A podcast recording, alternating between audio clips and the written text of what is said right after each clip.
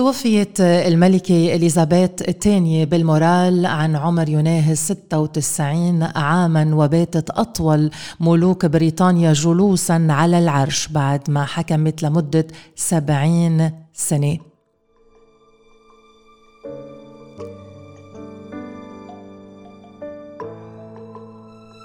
تربعت الملكة إليزابيث على عرش المملكة عام 52 وشهدت معها تغيير اجتماعي هائل على أن يقود ابن الأكبر أمير ويلز السابق تشارلز البلاد كملك جديد ورئيس لكثير من الدول الكومنولث لصباح يوم الجمعة التاسع من شهر أيلول. رح بيكون معنا باتصال مباشر لنوجه تحية لروح الملكة إليزابيث الثانية. معنا الصحفي والشاعر والدكتور جميل دويهي. صباح الخير لك. يسعد صباحك ست ندى. صباح النور. ولو كان هاليوم حزين بالعالم بوفاة الملكة إليزابيث الثانية من عزي الأم الأسترالية من عزي دول كومنولث وكل المحبين الله يرحمها. آمين. أكيد من عزي الكل لأنه عن جد هالملكة استثنائية. ما بعرف إذا ممكن هيك نرجع نشهد على هيك ملكة بأيامنا اللي جاية يعني. طبعا هي ظاهرة نادرة و... وقليلة الوجود بالتاريخ الفترة اللي حكمت فيها وال... الظروف اللي مرقت فيها بريطانيا من تولي حكم الملكة إليزابيث حتى الآن وظروفها الشخصية كمان وحياتها اللي الأشياء اللي مرقت عندها يعني حقيقة هي ملكة استثنائية بكل ما الكلمة من معنى اليوم حابين دكتور جميل الدوي هيك نستعرض البعض القليل آه، من محطات الملكة إليزابيث الثانية الراحلة وخاصة الإنسانية وخاصة أنه كمان آه، أصبحت ملكة بعمر كتير صغير وما بعرف إذا حدا سأل أو فكر هالملكة اللي حكمت هالقد دول هل عاشت طفولتها مثل بقية الأولاد؟ بالطبع أكيد هي خلقت باسره مالكي وبحب أقول إنه الملكة ببريطانيا ما لها كثير تعاطي بالشأن السياسي. يعني رئيس الوزراء ببريطانيا بالعرف والتقليد وبالدستور هو اللي بيمارس السلطة السياسية. وجود الملك ببريطانيا بالعصر الحديث عم نحكي هو وجود يعني غير سياسي وغير فعال بالحركة السياسية بالبلاد. مجرد وجودها كرمز يعني ضخم وكبير بشكل هالي للأمة البريطانية وللمملكة البريطانية اللي كانت ذات يوم مملكة لا تغيب عن الشمس. يعني إذا كانت الشمس تشرق في الأمة البريطانية وتغيب في الأمة البريطانية قد ما كان عندهم مستعمرات حول العالم. طبعا هي عاشت طفولتها لأنها كانت هي طبعا بنت ملك. يعني ما كانت إنسانة عادية وما مرقت بطفولتها بعذابات كبيرة. لكن بحياتها المتقدمة بعدين صار عندها كثير آه، قضايا وكثير أحزان وكثير مآسي. آه، مرقتها نستعرضهم بعد شوي. بحب أقول إنه هي اسمها اليزابيث الكسندرا ماري الأصلي يعني. آه، وهي ملكة بريطانيا وأستراليا وكندا ونيوزيلندا هود الدول الأربعة الكبار المعروفين إنه بيمضوا تحت الكومنولث البريطاني اضافه إلى 12 دولة هن جامايكا بربادوس غرينادا بابوا نيوغينيا جزر سليمان توفالو سانت لوسيا سانت فينسنت انتيغوا وبربودا وسانت كيتس والبهاماس. المالديف اللي عم بيقولوا الناس إنه هي انسحبت من الكومنولث فعلا انسحبت عام 2016 ولكن رجعت انضمت الكومنولث مرة ثانية بعد ثلاث سنوات.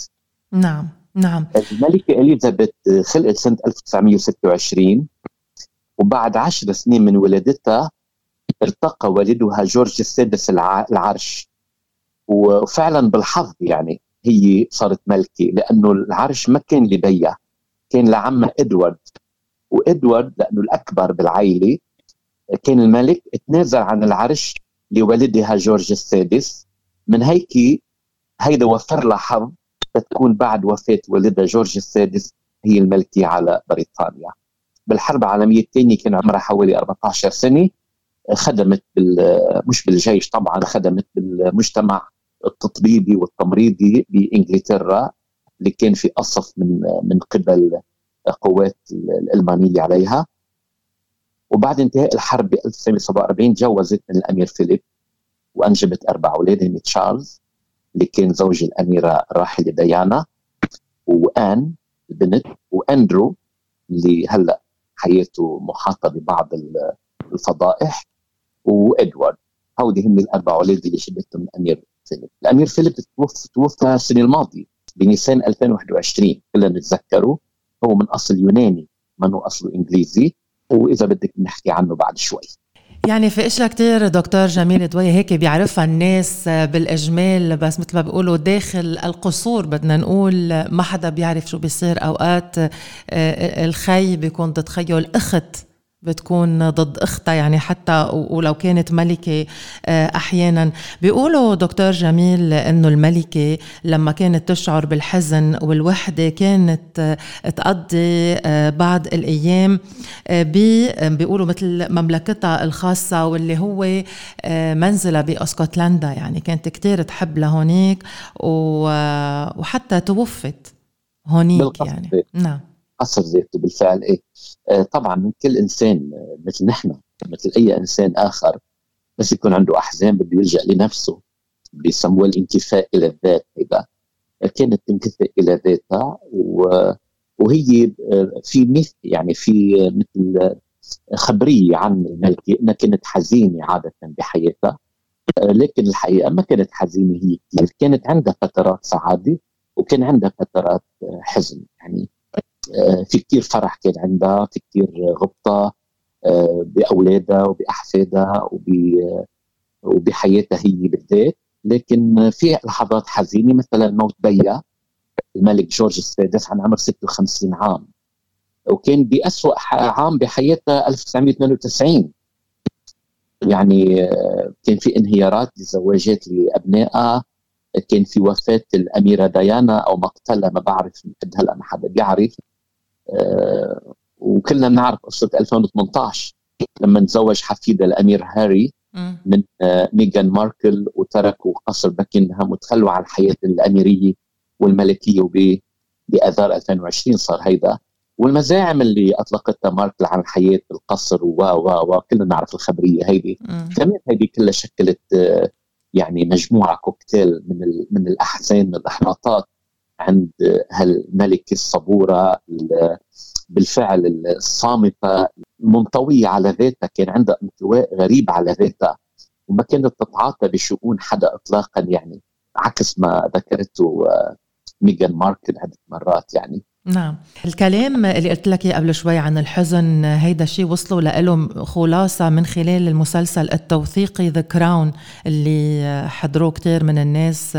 آه، كان على أربعة أجزاء على ما أعتقد وهي حكوا عن فترة من فترات قصة حياة الملكة إليزابيث الثانية. دكتور جميل إذا بدنا نحكي عن الملكة إليزابيث الثانية كإنسانة وقد عن جد كانت أم وكانت grandmother و grand grandmother وقد جربت هيك تخلي كل شيء ماشي مزبوط وكلهم ماشيين مزبوط. بس أحيانا يعني مثل ما ذكرت قبل شوي بتصير قصص ما بتكون بالحسبان بس إنه بالنهاية الحق بده يبين دائما على طول. أنا بشبهها بقائد أوركسترا. يعني قائد الأوركسترا كيف بينظم هيك هالمجموعه الكبيرة من الموسيقيين ويخليهم يمشوا ضمن إطار محدد. هي هيك كانت بأسرتها الواسعة الكبيرة. كانت كثير منظمة. حياتها الشخصية كانت كثير غامضة. يعني قلما تدي بمعلومات أو مقابلات صحفية أو بأي شيء. لكن كانت قادرة إنها تتخطى الصعوبات وكانت قادرة إنها تبرمج هالمنظومة الاجتماعية اللي موجوده حولها وما تخلي حدا برا يشعر بأي شيء عم يحدث داخل القصر. ما عدا طبعا بعض التسريبات اللي كانت اللي كان الإعلام أو كان بعض الموردين يقوموا فيها وكانت تتلقى انتقادات من الإعلام ببريطانيا كثير مرات يعني لكن ما بترد ابدا كانت حياتها كثير غامضة. وكانت تنتبهي على نقطة مهمة جدا لو سمحتي لي إني ألفت إلى التزامها الديني. يعني بعام 2000 كانت توجه كل سنة رسالة الميلاد. بعام 2000 قالت برسالتها بالنسبة للكثيرين منا تعتبر معتقداتنا ذات أهمية أساسية. بالنسبة لي توفر تعاليم المسيح ومسؤوليتي الشخصية أمام الله. اطارا أحاول من خلاله أن أعيش حياتي أنا مثل الكثيرين منكم. أستمد راحة كبيرة من كلمات السيد المسيح ومثاله في الأوقات الصعبة. هذا مقتطف من رسالتها الميلادية بعام 2000 يظهر هذا الكلام كيف هي ملتزمة دينيا بالكنيسة بتعاليم السيد المسيح. وتوفت الملكة إليزابيث الثانية بسلام وظهرت قبل يومين من وفاتها لما صادقت رسميا على تعيين ليز بمنصب رئيسة الوزراء بابتسامة صحيح وراحوا لعندها آه، أقسموا اليمين وبعد يومين تقريبا آه، أسلمت الروح. وبحب أذكر شغلة مهمة جدا جدا إنه الملكة إليزابيث الثانية كانت ترعى حوالي 600 جمعية خيرية. وعندها منظمة خيرية أساسية لها خاصة فيها جمعت خلال حياتها هي 1.4 بليون دولار للأعمال الخيرية. هيدي نقطة مهمة جدا لازم نعرفها عن هالملكة اللي بتحب عمل الخير. يعني حتى بأستراليا مين في ينسى كل ما آه، كل ما يكون حدا عنده بيبي جديد الهدية اللي تقدم له إياها الملكة. يعني ما حدا في ينسى هيدا الشيء بأستراليا يعني. طبعا طبعا أكيد أكيد. ثروتها الماليه على كل حال ضخمة جدا. إحنا بنعرف إنه آه، إنه الأملاك فقط إذا عديناهم القصور يكفي نذكر مثلا إنه ثلاث قصور بكنغهام وينزا ولانكستا تقدر قيمتها بحوالي 500 مليون جنيه استرليني. نعم. وهي وهي كانت بعام 1989 المرتبة الأولى بين الأغنياء بإنجلترا. هلا 2020 نزلت مرتبتها صار في كثير ناس أغنى منها. هذا أمر غريب ما بعرف ليش صار هيك. نعم. شيء يقولوا إلا إنه زواجها من, الأمير فيليب يعني م. كانت خطوة مهمة بحياتها.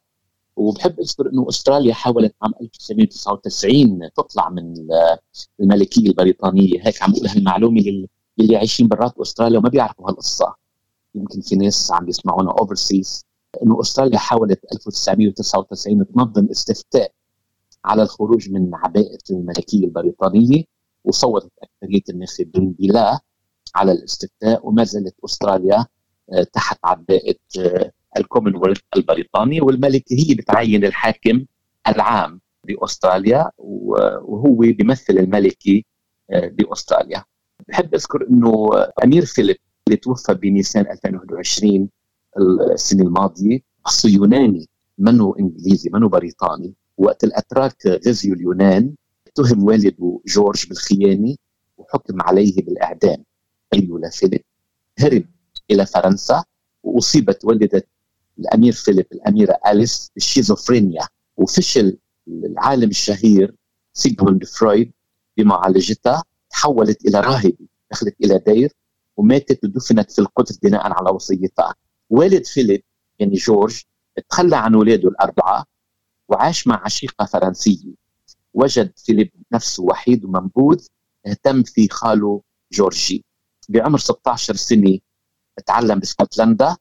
بعد عام انتسب إلى الكلية البحرية الملكية بإنجلترا. هونيك تعرف بإليزابيث وكانت مراسلات بيناتهم وتزوجوا بعام 1947 بحفل أسطوري. تخلى الأمير فيليب عن ألقابه الملكية باليونان وترك الكنيسة الأرثوذكسية اليونانية واعتنق الكنيسه الانجليكانيه الإنجليزية. هذا كل شيء بحب أقوله بهذا اليوم الحزين من حياة آه، العالم. شكرا لك دكتور جميل والله يطول بعمرك وتعايزينا للجميع ورح انهي آه، مداخلتنا لليوم باللي قاله الملك الجديد تشارلز الثالث. إن لحظة وفاة والدتي الحبيبة جلالة الملكة من أكثر اللحظات حزنا لي ولكل عائلتي وأنه رحيلها رح يبعث الحزن حول العالم. الله يطول باعماركم وإلى اللقاء.